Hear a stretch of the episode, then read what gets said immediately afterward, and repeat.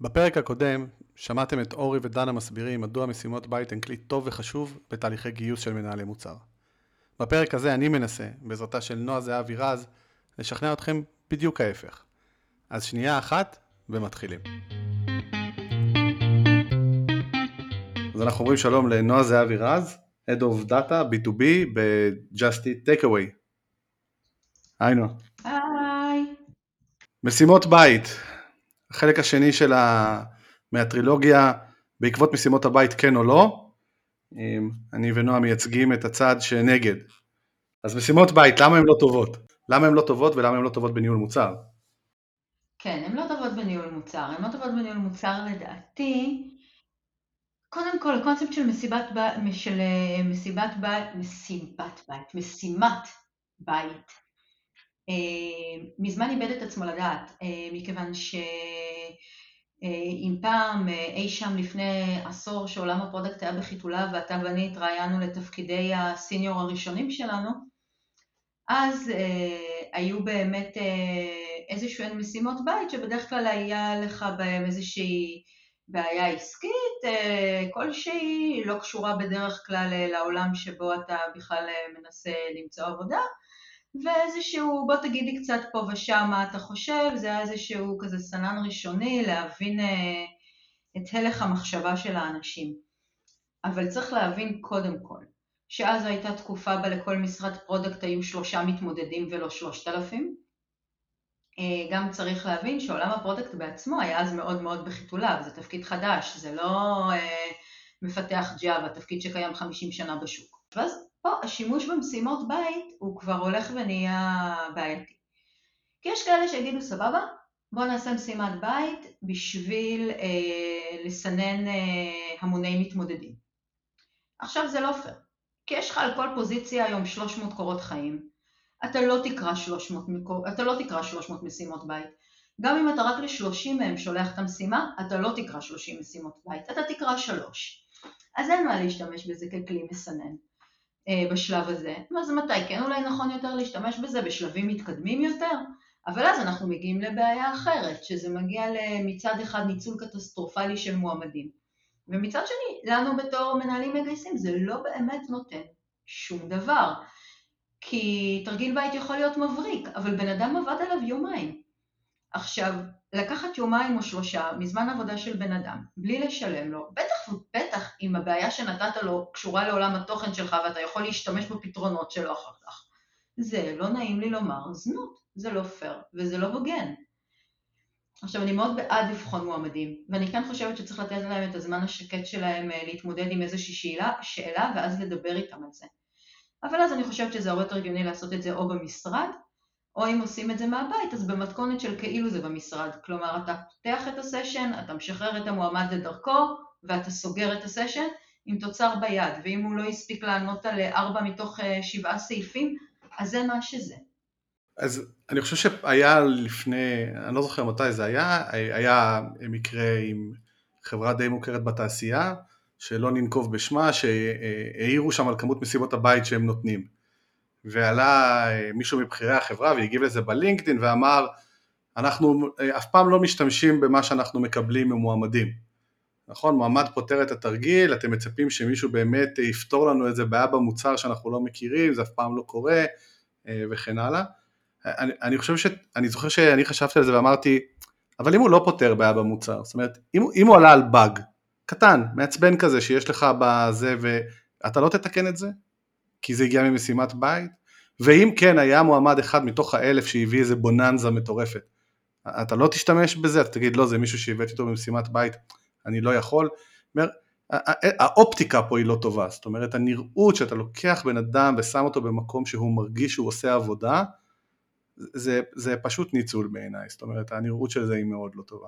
בוא נעזוב שנייה את מה בודקים בו, בוא נדבר שנייה על ה-value שמשימות בית, שהן משימות בית מטייפ של כך תחזור אליי בעוד שלושה ימים עם תשובה, מהערך שהן נותנות בעולם שבו אנחנו יודעים, בתור מגייסים, שמשימת בית שקיבלנו, היא עברה אה, את המועמד שנתנו לו אותה, הוא העביר אותה אצל שלושה VP products, אצל שני דירקטורים, ארבעה סיניורים, והשתתף בקורס משימות בית שבו לימדו, שבו לימדו אותו לעבוד על template. לא היה לי ולו מקרה אחד בחיי שתרגיל בית שינה את דעתי על מועמד, לא לטובה ולא לרעה.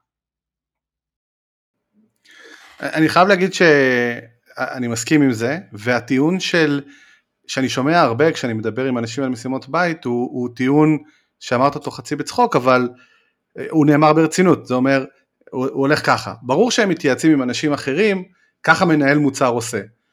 ו, ולדבר הזה יש לי שני דברים להגיד. קודם כל אנחנו מגייסים את הבן אדם ולא את מעגל החברים שלו. היינו רוצים לגייס את מעגל החברים, היינו מגייסים גם אותם. והדבר השני הוא, לפחות אצלי ובחלק ממסיבות, ממסיבות הבית שאני רואה, אנחנו לא דורשים משהו שהוא איזה אקסטרה אורדינר, איזה דבר שהוא בלתי צפוי. אני אומר זה ברשימת הדברים שמנהל מוצר מנוסה אמור להקיא אותם.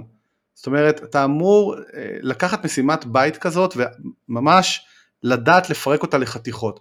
יש עשרות פריימורקים שכולנו מכירים, יש עשרות גישות, אתה מתחיל, מתחיל אה, או מהיוזר או מהמישן ואתה בונה את זה איך שאתה רוצה, אבל יש לדבר הזה, אה, הוא אמור להיות כבר טבוע בך באיזשהו שלב. וזה שמשימות בית פשוטות כאלה עוברות חמישה, שישה אנשים בנוסף, אין, אין בזה value, אתה, אתה, מה שאתה מקבל בסוף הוא כבר לא רלוונטי למה שאתה מחפש. נותן גם טיפ למנהלים מנהלים שמראיינים, מנהלים מגייסים. תשתפרו בזה, כאילו get better בלהבין חשיבה מוצרית של בן אדם כשהוא יושב מולכם. זה באמת לא מאוד מסובך.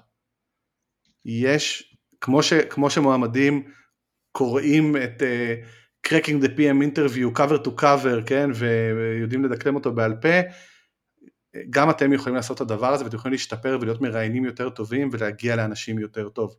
זה טקסט נכון. פרקטיס, אבל אפשר לעשות את זה. נכון. אמ, טוב, אז לא משימות בית. למה? כי זה גם לא טוב למועמדים וזה מעצבן, וגם כי זה לא מביא הרבה ערך. נכון. אז אני חייב לשאול את השאלה המתבקשת.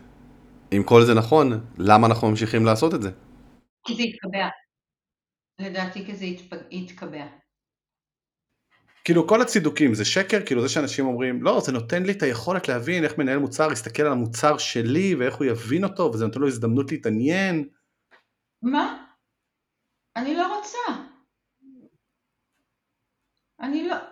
אם זה נכון זה עוד יותר גרוע. למה? כי... כי אם התרג... אם אתה חושב שאם תרגיל הבית הוא ההזדמנות לראות מה אותו מנהל מוצר, איך הוא מתקשר עם המוצר שלך, שהרי אתה מאוד מאוד לא הוגן כלפי אותו מועמד. זה בדיוק הנקודה. אתה אמור להבין אם מנהל המוצר הזה הוא מנהל מוצר טוב. אתה אמור להבין אם הערכים שלו תואמים את ערכי המוצר שלך. אתה אמור להבין, כאילו סביר להניח שאם אתה אה, חברה שמייצרת אה, אוטומציה לרפתות, אתה לא תיקח מנהל מוצר טבעוני לוחם. אה, אתה צריך להבין שה, שהוא רואה את ה-value, כל זה נפתר בשיחה. להושיב אותו לתרגיל בית כדי להבין כדי לראות שהוא אה, יודע לתקשר עם המוצר שלך ספציפית, זה לנצל אותו. אבל זה נותן לו הזדמנות לראות את המוצר שלי, לראות אם זה מעניין אותו. הוא עושה את זה עוד לפני שהוא שולח לך קורות חיים כשהוא בודק אותך בגוגל.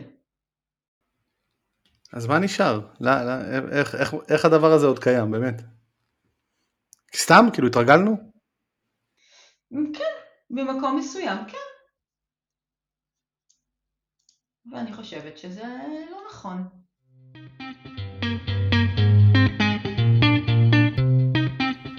אז מי היה יותר משכנע? אורי ודנה, נועה ואני? איך כל זה נגמר?